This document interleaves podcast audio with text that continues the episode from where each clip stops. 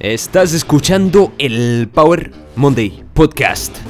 Feliz lunes. Vamos a empezar la semana. Venga.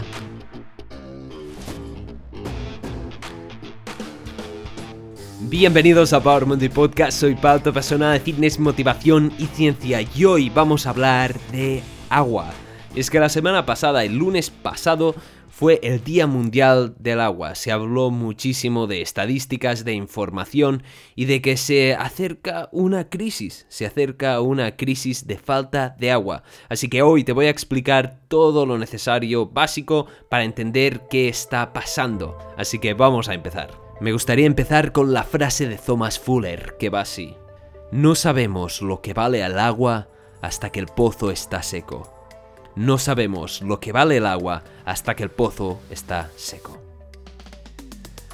Hoy en día estamos viviendo un momento donde abres el grifo y tienes agua cuando quieras y la cantidad que quieras por un precio increíblemente bajo. Y es que los costes del agua son muy baratos. A veces es muy fácil olvidar la misión que ha seguido la humanidad para conseguir lo que tenemos hoy, para poder disfrutar de agua en cualquier momento. Y es que muchas civilizaciones se quedaron atrás porque no consiguieron domesticar el agua. Como decía, la semana pasada fue el Día Mundial del Agua, el compuesto más importante para el ser humano después del oxígeno. Bueno, oxígeno no es un compuesto, el O2 quizás. Ya que no puedes estar más de 3 a 5 días sin beber agua y no morir en el intento. Y el agua no tiene sustituto. Ahora mismo existe esta percepción de que tenemos agua en cantidades ilimitadas, pero aunque no lo parezca, nos, se nos está acercando una crisis del agua potable y te voy a explicar por qué el agua potable quizás va a ser el petróleo del próximo siglo. Pero en el planeta azul, lleno de agua, ¿cómo puede ser que nos esté faltando agua? ¿Y cómo podemos evitar esta crisis? Te pongo en situación, en las próximas décadas, Barcelona, México, Londres, Sao Paulo y otras grandes ciudades se van a enfrentar a la escasez de agua. Y es que, según la ONU, en 2025 más de 2.000 millones de personas van a estar en déficit de agua. De hecho, en 2040 nos dicen que si no modificamos nuestros hábitos y nuestros gastos de agua, no tendremos suficiente agua para cubrir la demanda global. Pero un momento, vivimos en el planeta azul, un planeta que tiene grandes cantidades de agua, agua que jamás va a desaparecer del planeta, porque no puede salir de aquí. Sí, eso es cierto, pero el 97% del agua del mundo es salada y no la podemos consumir. El 2% del agua del mundo está congelada, por lo que no lo podemos consumir tampoco. Por lo tanto, la humanidad depende tan solo del 1% del agua del mundo para sobrevivir. Y cuando hablamos de crisis del agua, hablamos de crisis de agua potable, consumible, aquella que podamos utilizar. Además, este 1% del cual toda la raza humana depende, gran parte la encontramos bajo tierra, en acuíferos, por lo que el humano depende principalmente del agua de la superficie, como los ríos y los lagos, por lo tanto, no tenemos acceso a tantas cantidades de agua potable como nos parece, es decir, no tenemos tanta agua disponible para nuestro consumo. El problema viene con el cambio climático.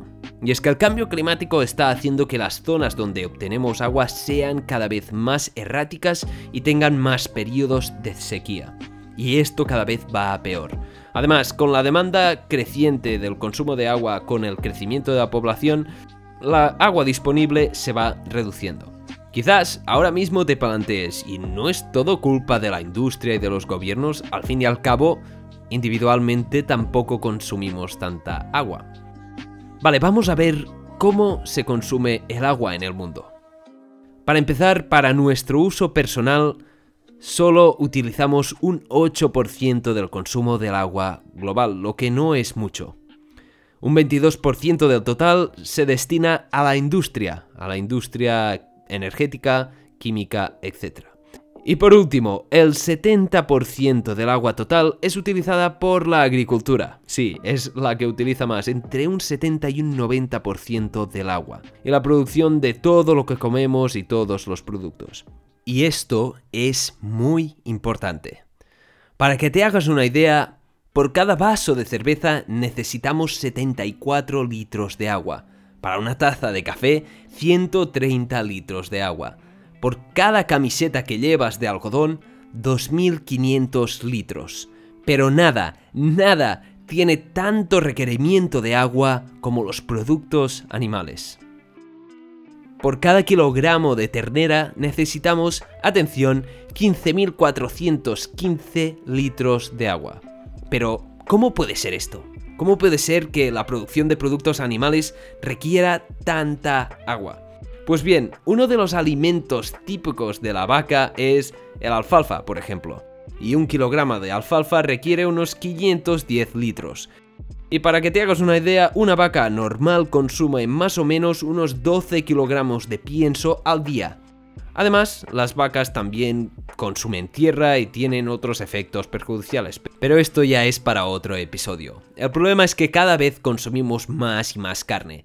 De hecho, los países en desarrollo están consumiendo más carne porque están imitando los países de Occidente, como Estados Unidos o como en España, donde consumimos 100 kilogramos de carne por persona al año. Y estos países en desarrollo empiezan a comer más carne, pero jamás, jamás podrán comer la misma cantidad de carne que comemos en España, porque no tenemos la suficiente agua necesaria para producirla. Y esta es una de las principales razones por las que necesitamos una transición global a una dieta más basada en plantas y por lo cual los sustitutos de la carne como las carnes vegetales son muy importantes y nos pueden ayudar a hacer esta transición. Uno de los problemas principales es que los humanos utilizamos mal el agua. Además de requerir mucha agua, la industria agricultora utiliza mal el agua porque desperdiciamos bastante. Básicamente es prácticamente gratuita por los agricultores por lo que no tratan de optimizar el agua. Utilizamos cultivos muy poco eficientes como los de inundación y no utilizamos propuestas nuevas. Una de las propuestas para frenar la crisis es subir el precio del agua y concienciar a la población de la importancia.